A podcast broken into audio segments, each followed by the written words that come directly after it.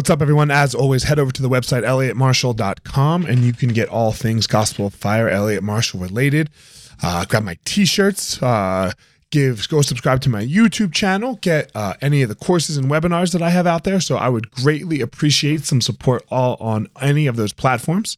Um, obviously, don't forget if you find this podcast helpful, go uh, tell about tell a friend about it, share it, tell somebody. I would really really appreciate it. So um, thank you very much.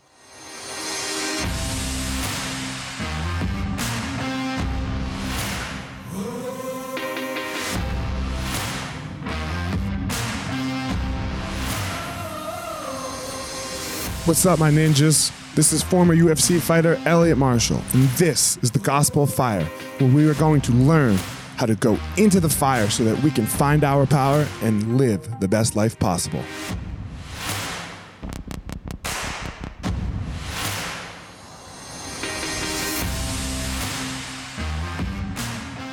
Guys, this episode of the podcast is with Jessica Jackley. I was very excited to do this podcast when I saw who Jessica was. Um, she is the wife of uh, somebody who I follow, and I have read their books a little bit. A guy named Reza Aslan, and uh, he wrote a great book called Zealot, and we talk about that book. We talk about how she deals with uh, being of Christian faith. He is of Muslim faith. He's a little outspoken, um, and they have obviously mixed kids in the world. Um, how she does her thing uh, combined with his thing. So uh, it was a really great conversation. I greatly enjoyed it. So without further ado, here we go. Jessica Jackley. Jessica, how are you? Hi, I'm great. How are you doing today? I'm doing very well. We were just talking about our stellar outfits that we're both wearing offline. Um, you Correct. know, so Correct. I think this is a 30 year old sweatshirt. Actually, I was trying to figure it out. My husband got it in Japan, and then he like it shrunk and he outgrew it. But it's kind of amazing. It's very worn. Well, I was just teaching, and one of my students asked me, um, do you wear the same like rash guard, right? Because it's a rash guard that I teach in all the time. And I was like, oh, she's like, well, do you have like four of the same outfit? I was like, no, I just have people that do my laundry and and it's it's ready every day. So I want people to do my laundry. Mm, I have people only at my workplace, only got at it. my school, right? At, at the house. Uh, I think I have to make up for that, but I do all of the laundry. Uh, Is it an emergency? Okay. All right. That was Reza. that was Reza. Yeah. So, um, obviously, that's your husband, Reza. That's Reza husband. intellectual. Um, best, that is best. not even why we're here. We'll get into some of that in a little bit. Um, why are we here with you today? What is it? What would you say it is that you do, Jessica? I would say I try to um, create ventures, create projects, create communities that bring goodness into the world or more goodness or activate activate goodness in the world. So currently I have two main things that I do. One, the main con- consumer of my time and um, you know project that I just I'm so giddy about. I'm like in love with it and I, I even though I am a tired parent as we've already talked about too, I wake up just energized to work on it and I stay up late and keep working on it after the kids go down. But the first thing is Alltruists. And basically, we create volunteer projects for kids that are do at home, anytime, kind of anywhere um, for five to 10 year olds uh, with their, to do with their family. So, in short, every month there's a new issue that we sort of debut a, a new box. It's, it's sort of a repackaged, reinvented volunteer experience where kids get to learn about an issue so they use their heads they get to empathize with people who've experienced that issue in probably very different ways than they have so they get to use their hearts.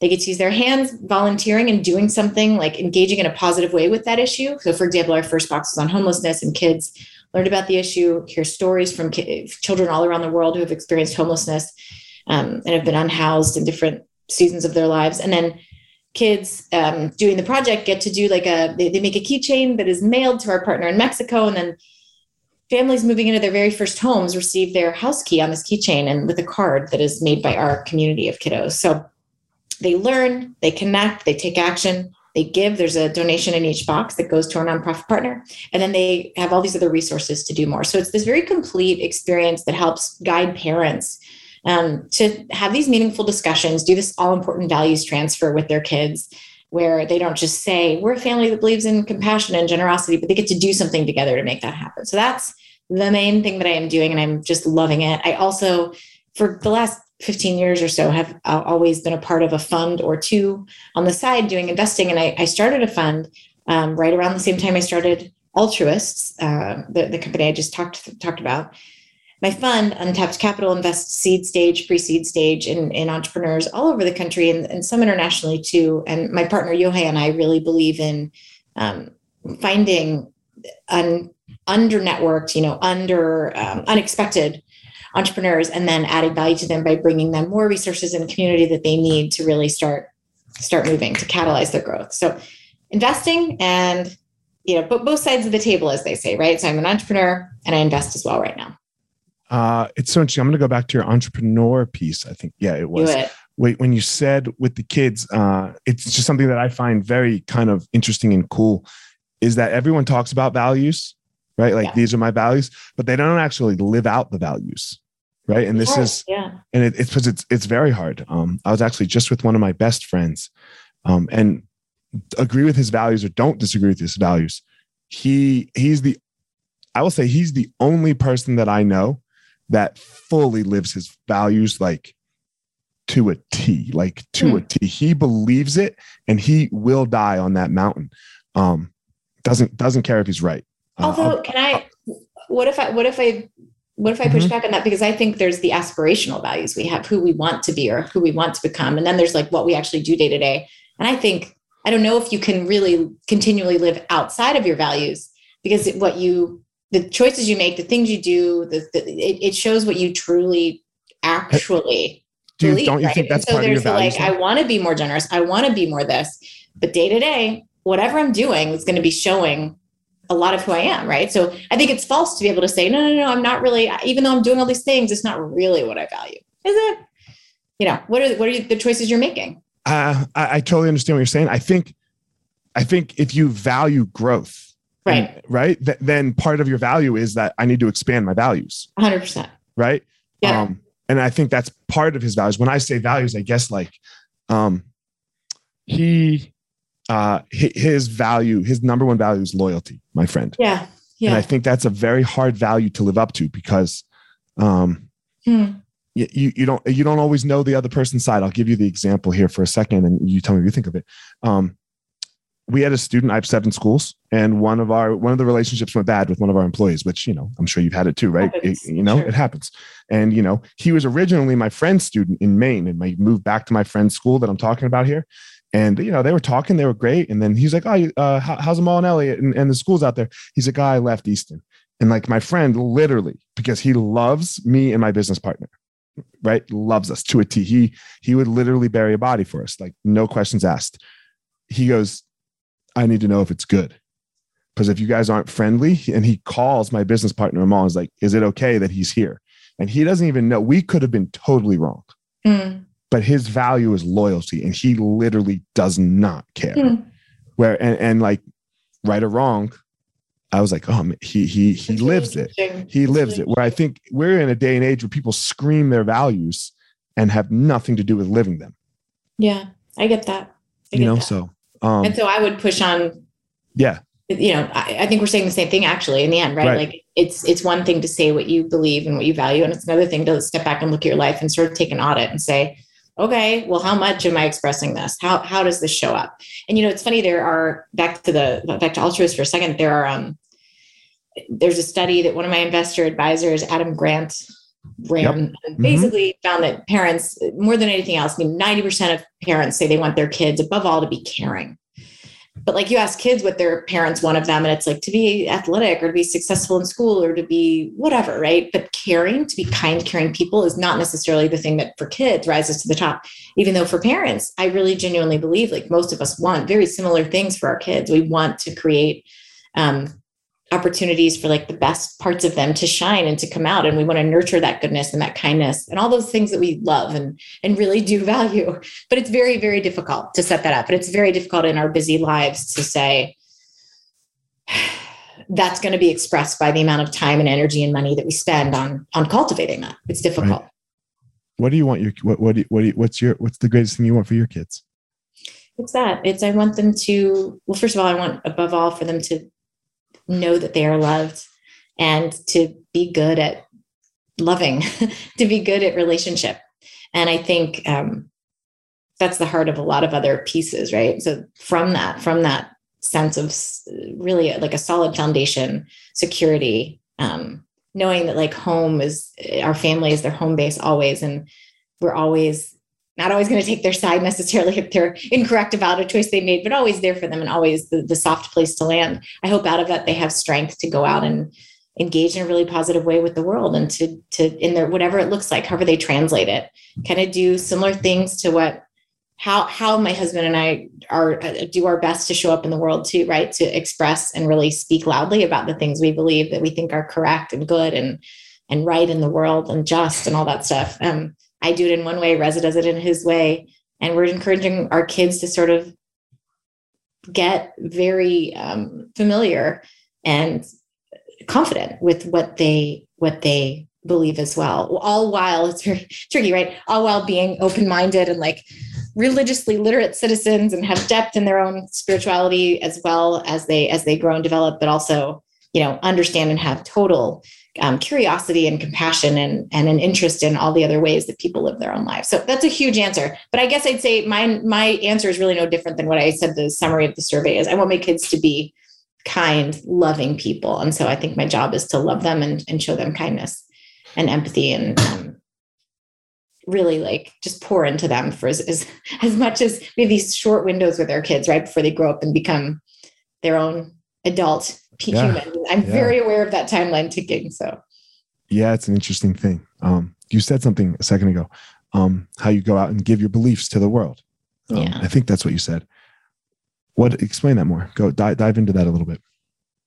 So Reza and I, um, to start there, Reza and I have this wonderful. I mean, if it's the best thing in my life. This wonderful interfaith, you know, marriage and we have this multi-faith family and the thing that binds us together is, so Reza's muslim yes? Just mm-hmm. in case people don't know. And, and are you muslim i grew up muslim? christian. No no no. And, and then we have we really are like uh, our house is very interested i said religiously literate kids. We study world religions together. So we'll go to church on sundays in non-covid times. We actually show up and then we come home and we talk about you know the the stories and um, metaphors and I guess, like the scriptures and all different, all, from all different origins. They're really important um, in terms of understanding uh, culturally, like just being literate, being being aware of how the world works and where people stand and what their histories and um, mm-hmm. religious mm-hmm. upbringings might be like. So we have this multi faith kind of. It's more than a side project. It, it's um, it's a way that we talk to our kids about how the world functions and how people think and feel and show up. So anyway, the I'll thing that holds us all together are shared values. You're, you're very, yeah. I'll, I'll, gonna let you go in a sec, but just a little background on me. You, you probably don't know. Um, you resonate very well with, very much with me because uh, my dad's black. Uh, my mom is the daughter of Holocaust surviving Jews, and my dad was grown up born Christian. So um, mm-hmm.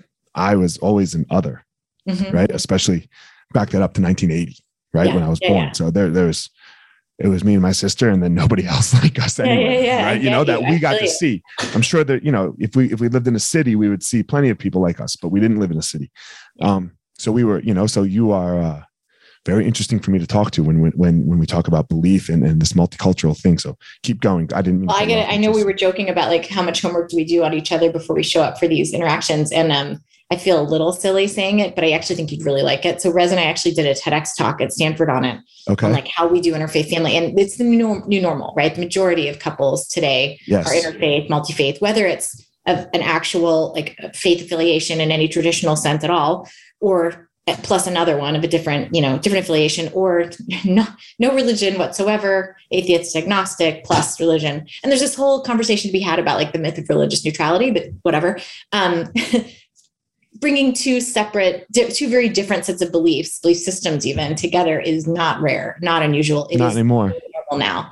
Yeah. And um, but what's funny is I feel like the big, if there's like one takeaway, if you don't want that touch up, um, the thing that anchors it is like shared values are what matter, at least in our opinion, and then also it's not like any marriage is between two people who have all the exact same opinions and thoughts and beliefs. Like all unions, all marriages, all partnerships are multi or interbelief, right? And some happen to be interfaith in this way that we, mm-hmm. we categorize. So like if you just go in knowing, oh, we're different people with different sets of beliefs, I think you have an advantage. Actually, it research shows that couples who are interfaith couples are better at this thing called di, di, oh my god what is it? Dyadic consensus whatever. Watch the talk it's amazing. I think i think we did a good job.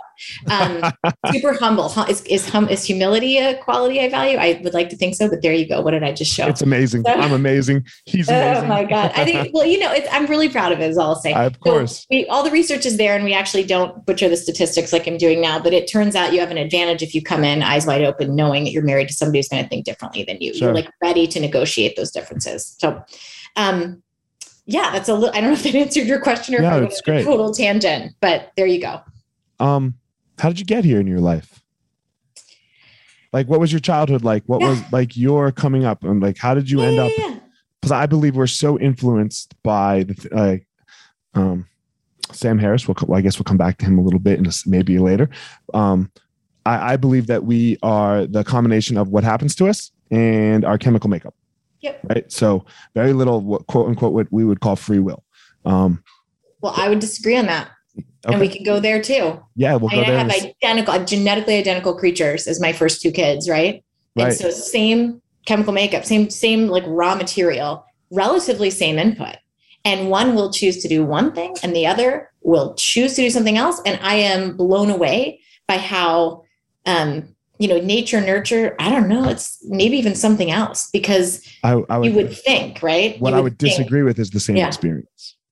I would say they oh, don't. I hear you. Right. No, they're on other sides of the, I totally, right. totally. But um, it's more divergent sometimes than you, than I would have ever guessed. And it's been a, right. really crazy social experiment unfolding in front of me.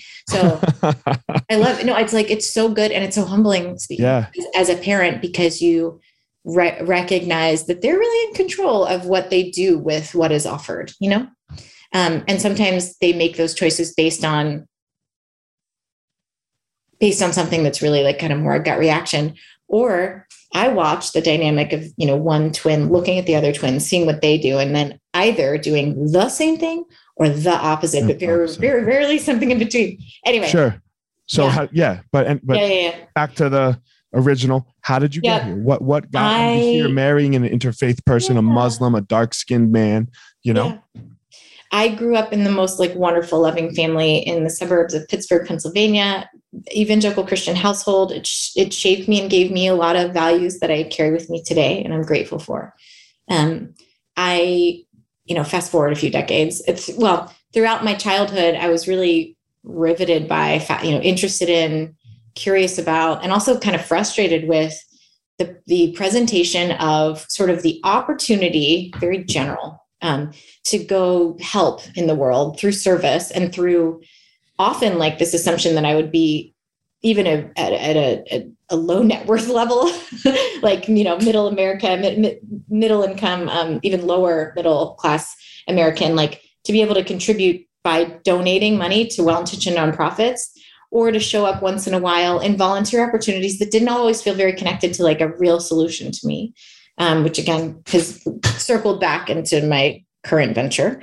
Um, but I felt frustrated by this dynamic of, hey, there's pain in the world, there's suffering, and your job is to like listen to the nonprofit pitch and then donate money. I just, I didn't, it felt like a transaction, not a connection. It felt um, very frustrating to me. And I heard again and again and again these stories about other people in the world who were living in poverty or suffering from some issue that didn't touch my life in the same way. And it felt very otherizing and it, it was just strange to me. So as I, I went to college, I studied philosophy to learn how to ask really big questions and dig around in my own assumptions and figure out what truth was. So I studied philosophy, I studied poetry just because it's beautiful and I loved it. And I studied political science because I thought, who the heck's in charge here? I need to understand systems of power, and then maybe that'll help me fix stuff better. Um, and I didn't have any answers when I graduated, but I did. Does anybody? yeah, right. Yes, a lot, of, a lot of grads know everything. Um, I decided to basically like fling myself out into the world a few years after graduation and learn about my. I mean, I'm fast forwarding through a, bunch, but learn about microfinance through an internship in East Africa, and I I went assuming that I would hear the same old stories that I'd heard through the voices of many well-intentioned nonprofits and NGOs that wanted me to become a donor, right? Um, but I heard stories of sadness and suffering and desperation growing up where I my role was only that of sort of savior with a few bucks.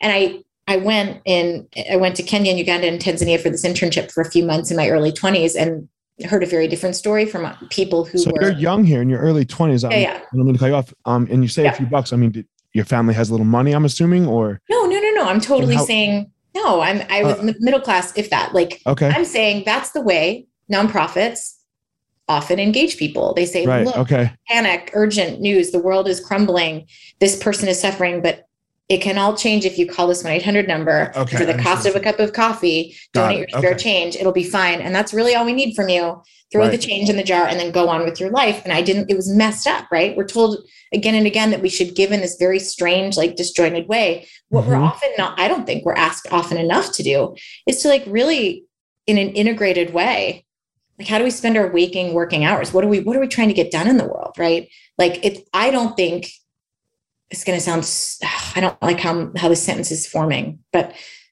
for me i have felt an urgency not just around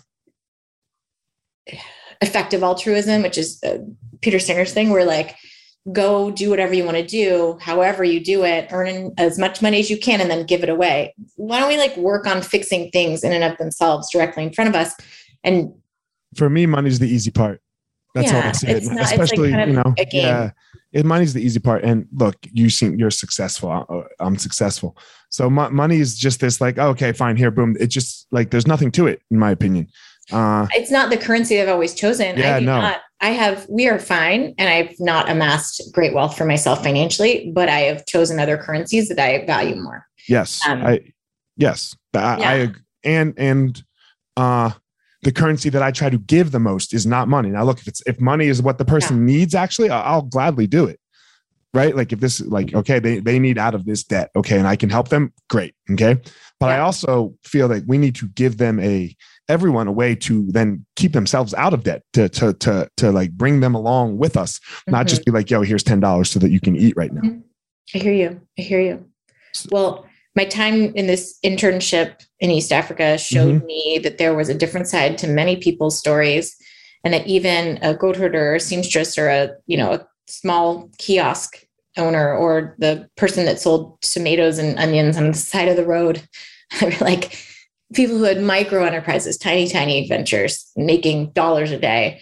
There was entrepreneurial potential in um, there is in anyone who wants to walk that path. And so, even though there were a lot of wonderful microfinance institutions doing lending throughout East Africa at the time, a lot of them weren't reaching rural areas, and certainly not a lot of the people that I happened to be working with there. And so, I started to ask some really basic what if questions that led to the creation of Kiva. So, what if I stayed in touch with these new friends? What if um, I gathered my friends and family and we tried to lend them little bits of money? Um, that we could all like rally together and chip in. By the way, no one was using the word crowdfunding at the time. It was so, so early and old school. So it was this very long form way of describing, hey, we're going to ask everyone to pitch in like 25 or 50 dollars. And if we just get a lot of people, then we can get a few hundred or a few thousand for these new friends that need it. So um, long story short, the idea for Kiva was born there. And then in like, two, you know, spring of 2005, and we cobbled together a very, we being my co-founder, Matt and I cobbled together a very simple website. We spammed our friends and family and asked them to pitch in a few dollars to help our new friends in Uganda with their small loan needs, $300 here, $500 here. And the money came in, we loaned it out, it was paid back, no interest. Um, that's the nature of, of uh, something special. There's many facets, but it was kind of the big, um, unique feature of what Kiva was doing zero interest loans, not a donation, not an investment that would bear interest. Um, and so that was Kiva. The first set of loans was about 3000 bucks across seven entrepreneurs. The next round of loans was 500,000 um, over the the first official year of operations. And then the following year was 15 million, then 40, then 100. And it's well over one and a half billion in loans today but that for me selfishly launched me into a career of um, just really in a, it galvanized for me that I could go build stuff, whatever I would dream up. If it was, you know, if I was, if I did my homework and worked hard, I could build these crazy like little machines in the world where people and resources would come together and do good things and be helpful and, you know, provide opportunity to people that didn't have it or um, whatever else it, it, it could be. It, it, it, I, I always thought business had to be this very, you know, the bottom line ruled everything and value was only defined in one particular way. And it taught me that organizations can be anything you want them to be with any set of goals. Um, you just have to organize the exchange of value appropriately and pick your right, you know, it's a ta- tax code, right? Pick the right legal structure and you're off to the races. So it's been really freeing for me um, to since then I've started for profits, nonprofits, um, all sorts of different things. I've, I've taught, I've done some writing, um, I've done in some investing. And then today, yeah, I'm working on, I'm a mom. I, I love my family. I, I spend time on three things that um, investing and empowering other entrepreneurs that I believe in and get, gathering resources to na- enable them and then building Alltruists which i hope biggest picture like to geek out and put my entrepreneur hat on and describe that not just from the product side which i already did but big picture you look at volunteering it's this very fa- it's fascinating it's the wild west it's a 300 billion dollar industry every year where people basically bend over backwards right they have to find and schedule opportunities it's difficult to do but they show up to give away their time and talents. It's just amazing to me. And they don't often get a lot in exchange besides knowing they're connected to something bigger than themselves and feeling good about that. But nonprofits aren't always equipped to parse out things that are helpful or to say thank you in ways that are really rewarding for volunteers. So there's this huge opportunity to live in the middle, design redesign and kind of repackage, reinvent that engagement, that connection, so that ideally it's way more rewarding for volunteers. And for kids, there's just not a lot that's even out there that they can do. So getting families engaged with volunteering um, as much as possible, especially from home within an hour with all the design imperatives that we've like tried to um, fit into. And it's, it's a wonderful grand experiment right at the beginning of it. But so imagine living in the middle between this mob, this willing like world of volunteers. 90% of people say they want to volunteer more. What? So I want to help them do that. Nonprofits need always more more hands, right? More mm-hmm, hands on deck. Mm-hmm. And if I can design these great experiences within a set of things that are helpful for nonprofits and attractive to volunteers and bring it all together and invest in the, in the actual experience, make it beautiful and engaging and like just really put energy there because no one's really doing that, then um, I think it could lead to a whole lot of, you know, unlocked potential, unlocked goodness in the world. So that's what I'm doing. That's how I got here. That was my life story in whatever, five, ten minutes, whatever. I, I however long really, I was talking, I was in the zone. yeah, no, I think I love that. I didn't want to interrupt you because you sounded, you're so passionate about it. Like you close your eyes and I can feel it. I'm like, man, yes. she, she Thank believes you. this. 100%. And, and I, this is my favorite thing in the world. I don't even care what your thing is. I love passion. You know, I love when somebody just and doesn't give a fuck about anything else other than making their passion happen. Um, it, it's really great to me. Um, so well, thank you for asking. Thanks for asking. Yeah. It's fun to talk about. Um, I'm gonna switch gears a little bit. Yeah. Um, and look, I had no plan on doing this until I read your bio uh, a little bit on my thing. Uh, and you and then you said you were Christian, right? Uh, and you grew up Christian, and you married Reza, Reza, mm-hmm. you know. Mm-hmm. And the book that I read of him I don't know, five years ago, Zealot, yeah. Uh, kind of attacks Christianity a little bit. And not say, at all, in my opinion. Okay. Can, but let's go there. Let's go there. Yeah. Uh, but it, felt that way to me, right? Okay. Uh, it felt that way to my so some of my friends. Like we all kind of read it. Um, he's Muslim. Mm-hmm. You know, how do you work this? Like what? And look, he's not just Muslim. He's Muslim and outspoken. Yeah right? He is in the public eye. Uh, yeah. Battles with another famous person in Sam Harris. Sure. Right. It's been and, a while from that one, but yes. Right. Sure. Yeah. Yeah. yeah. He debates. Without a doubt. Well, but he, he, debates. Yeah. So how do you handle this as a as a mom, as a wife? Sure. Right. As as a, all these things, like with your kids and all that. Yeah. I, I got very interested when I saw that. Of course. Of course. And I so appreciate the question. I'm so sorry. Those okay. of you just listening, I'm stretching. Okay. All right. Um, so First, let's talk about Zealot itself. So, Zealot is an historical biography about a person. Many people, many Christians go above and beyond the human being Jesus that we that walked or walked on this earth. Mm-hmm. and go above and beyond to as, ascribe, you know, Lord and Savior to that and add on not just person, but also God, right? Mm-hmm. Right. What does it look like to examine the life of Jesus through the lens of simply his historicity, which is a word, believe it or not. I know. His historicity. I know it's kind of crazy. So, like, if you, you know, you can approach explanations of um, answers to questions. You can answer through the lens of, you know, the, through, just using the disciplines of science. You can use it through the discipline of psychology, whatever. If you look at look at Jesus as an historical person, which he was, we all are yes. human beings. Many believe Jesus was much more than that. But what does it do to look at and talk about the life of Jesus only, in air quotes here, as a human being who was a political revolutionary. It's freaking inspiring, I think, because you learn about this human being. Again, I'm saying this as yeah, we got it. Yeah, right, yes. yeah, yeah. Um, you learn about this person who did incredible, revolutionary, deeply inspiring things, and it's a way of introducing Jesus to, let's say, uh, I mean, to anybody who wants to understand what this guy was about and what's the big deal and what was his life like.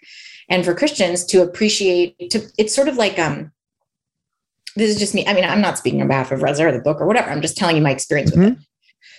So, as a Christian, have you ever had? Are you Christian? Well, no. No, okay. So as a Christian, it's very rare to have conversations about Jesus without that safety net, that wrapper around. He's God.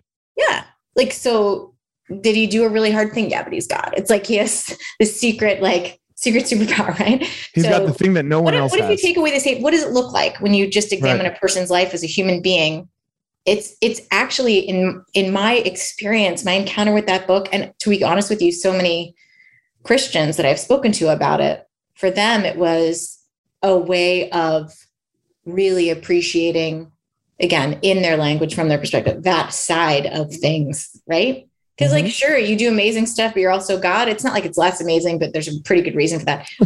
What about understanding the hu- more the humanity the humanness? It's it's it's beautiful i think. And I I know people. So Reza is a Muslim who loves Jesus and follows Jesus and prays with our family and goes to church. He actually like he speaks in our um in our church. He, he does a sermon at least once a year.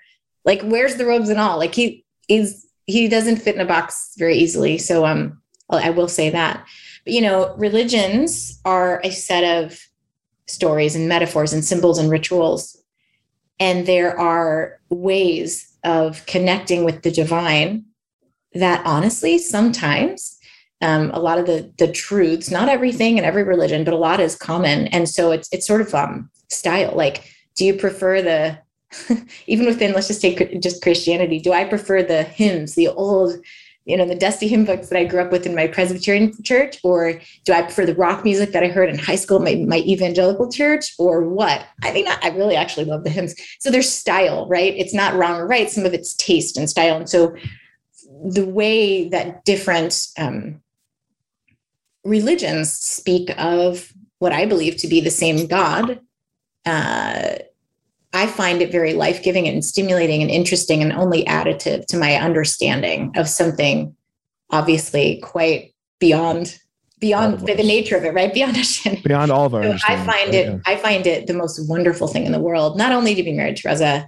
and to have even if it was just two vantage points but of course he's he's sort of superpowered in his understanding his deep understanding of many many many religions. He's encyclopedic so he brings a richness to all of our, our whole family's understanding and connection, understanding of and connection to um, spirituality mm-hmm. and to our faith journey together, our multifaceted faith journeys together. That's pretty beautiful. So anyway, that's how that's how zealot is shown up for me. And and and um, you know, when so to summarize, when I speak to friends that are not Christians specifically, just anything else, it's a way for them to understand and learn about Jesus that isn't wrapped up in evangelism. Okay. Mm-hmm. Pretty nice and refreshing and freeing. And in fact, kind of more accessible for a lot of people. That's one thing I've heard. And then for Christians, it's an exercise in talking and about and understanding the life of Jesus um, in this one way. And it's why is that bad? You know, right. there's nothing there's no claim in that book that says this is all that Jesus is. In fact, it very clearly says many people believe there is more and like wonderful if that's how you look at the world. Right. So. How do you deal with him as the controversial figure for your children? I believe that, I mean, I'm not him. My kids aren't him. He is, he is Mhm. himself. And I don't agree with everything he says and does. I mean, right. No, no, again, what, what husband or wife or spouse, what spouse would say that? Like, Right. yeah, stamp of approval on hundred percent, 24 seven of my partner. Um, but I'm really proud of who I'm proud of him. Like I admire how he speaks his, his mind and, and I'm proud of his voice in the world. And more often than not, I think it's a voice of, um, with an intention to translate and bridge gaps and help people understand each other. And I think it's great that he speaks for what he believes in. Like you, I admire passion. I love passion, and he he is that. So it's not. It's funny. I don't know if you're asking the question in a way that assumes any sort of like like it's difficult, but we are just well he's a well yeah it's it's for sure difficult right uh and from my perspective he's a dark-skinned muslim that that Yeah. speaks uh passionately in the world in Yeah. a country that you know yeah 80 million people voted for donald trump yeah yeah yes. I'm And- well and i love our current situation i'm not saying Yeah. that right but no, I uh, hear you. But, you. but you know voting for voting for trump is a is a is a much different thing for me i uh Yeah. i could probably never do it um Yeah. and, and Yeah. there's no probably i could never do it no, that yes, that we we talked. um, That about is- kids. you know like for for you to be you're a white lady Yeah. right and you have obviously some white and some dark kids like there's it's mixed in there Yeah. but their dad is muslim so Oh yeah. this, this is a tough country to to be in Yeah, and we unpack. It's funny. I mean, we have found such. Um, it's the most challenging, but most satisfying. where do you thing live? To get Where- to are you? unpack stuff with our kids, and that's part of again what I'm trying to do with Alltruist. Like, let's talk about difficult issues. I don't want to hide the truth from them, but I want to talk about it in a way that is life that is that is like optimistic and leads to constructive action. We live in LA. We live in East LA. okay Yeah, got East it. Side. so you are in the city yeah Eh, I mean, it's so spread out. It, we live Right. like in a beautiful suburban feeling area, but yeah, Okay. we're LA proper. you're in la got Yeah. it Yeah. um all right as we pretty, start, pretty diverse. Pretty diverse, actually. as we start to close here i, I always end with with two questions that uh especially for people that we've never talked before um man we are not in the same field you and i Yeah. uh not even close probably right like uh why in the fucking world would you come talk to me for an hour like what what is and i'm not and i'm not famous right like I, you're not you probably will gain zero money zero anything from this 45 minutes to an hour that we spend here together Yeah. um, you have access. Look, like we were just talking about, your husband's famous, right? He has access to a lot Sure. that he could he could just get you, right? You know, probably. What are you doing here, sitting talking to some dude that, like, when you Well, Google don't- me? I don't want to make you feel bad, but I did read a little bit about you. And Okay. I, I'm pretty, I'm pretty much a sucker for like, I think everyone has a story. Uh-huh, everyone me too. has something. Um, I've I've actually been tempted sometimes in lectures to just like stop and invite a random person up on stage and say, tell your story, but it'll be just as amazing. Go. Right. Right. And to honor that. So one, you asked, and I believe in the power of specific invitation and um that moved me. Two, I thought you sounded like an interesting person. Um, and three, like I frankly just really enjoy it. I enjoy it. It's a, it's kind of a gift to me. I mean, I, I feel like it's it's like therapy, like just out loud. I mean, you just asked. I just got to talk uh, for whatever how how long, forty five minutes about things that are really important to me. That's a gift to be able to do that and to be heard, even just by you, right? I don't know how many listeners will hear it. It's okay. Um, so it was a little treat in my week. I can't I can't do this every day. I I can't say yes to everything, but um, Right. I was intrigued enough by you and by your story to say, sure, let's try it. It's it's a it's a treat for me too. Like it's it's why I do the podcast. Uh, I love talking to people. I even love uh, disagreeing with people sometimes, and I think we need to be able to do it more in the world. Uh, I think it's our it's, it's probably our number one problem. Uh, in my opinion, is that we are in this realm where it's like, oh, I disagree with you on this. Well, so fuck off. Yep. Right? And you can't you can't work through that some way and be like, all right, well, they're a human. I'm a human.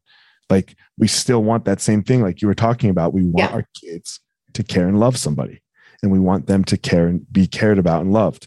That's I think that's what it comes down to. Almost every almost everyone, Sure. you know. So Sure. um, yeah, Also, I feel like now you have to become a subscriber to Alltruist. So I thought maybe it was customer acquisition strategy. good work. How old are your Good work. kids? I have a t- uh, an eight year old and an almost 12 year old. And I mean, Um, it's kind of good, good age range. I I think know. should. I can send you one. send me one. They're really fun. um my my it's very interesting how you said the opposites. My 12 year old almost 12 year old is me like to a t. Uh, everything that i do skillful he does more skillful. And everything that i you know like I, i'm an anxiety person that experiences anxiety and, and and he has all of that too you Yeah. know? So and then my little one is his mother who to you know? And i'm just like god damn it renee this is all your fault that he's doing this right now. So you know she does the same thing with me on the bigger one. So anyway It's so um, funny. It's very interesting when you were talking about the kids. I, I, I mean, mine aren't twins, but I greatly resonate with the. Yeah. My God, they're so different. Yeah. Um, okay, last question. Yeah. Uh, I believe everyone has something unique about them in the world. Uh, I call it their power. Uh, that they go out and look. It doesn't necessarily make you rich and famous. It doesn't make you. Uh, I don't. I don't know what it does for you, but it's it's that thing you give to the world. That that is your giving Yeah. of who you are. What is your power? What is that thing about you? I don't know that um my I don't know that I agree with the powers being unique, but I think we all are unique individuals that express maybe common things uniquely, right? So Right. yeah, same different. Um I really love people. Yeah. And I look at I look at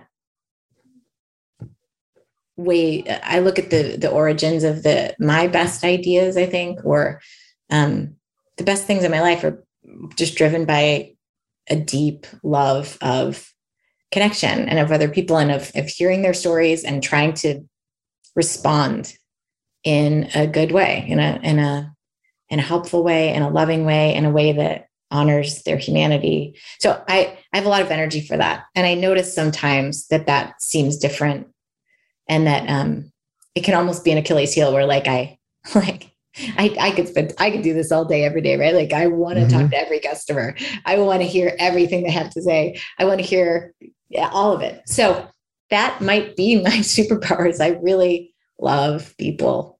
Um and I yeah, believe your whether- superpower is also your kryptonite. I, I do believe so. that. Well, I mean, Yeah. gotta- yeah, I gotta, I gotta say no to some informational interviews. once in a while. anyway, um, great questions. Thank you for having me. It's really nice to talk to you. Thank you. That was really that was really interesting. Tell everyone if they uh altruism and and and, and everything that you do, if they want to find it, where can they find it? It's Alltruists, A L. L T R U I S T S. So Okay. alltruist.com. Okay. And how about you? What if they just are into to Jessica? Where where can they It's just you? my name.com. It's just Jessica Jackley. J E S S I C A J A C K L E Y. All right. I mean, dot com. Dot com. like, wait, at what? At Uh, home. On Instagram, the at goes first. Uh, Correct. Although it's private. I just, you know, my kids are oh, more, more private. So nice, nice. I like it. Sorry. You can't. You have to accept them. You're saying You should follow Alltruists. yes. All right. Well, Jessica, thank you so much. You. As always, everyone, I believe that Jessica has her unique power, her superpower in the world, and she goes and gives it. I have my unique thing that I do that I go out and give. Don't try to be her and don't try to be me. Everybody go out there and find your power. All right, everyone, thanks for listening to this episode of The Gospel of Fire. If you enjoyed the episode, I'd love a review on iTunes or wherever you are listening to this podcast. Don't forget to follow me on social media at Fire Marshal 205.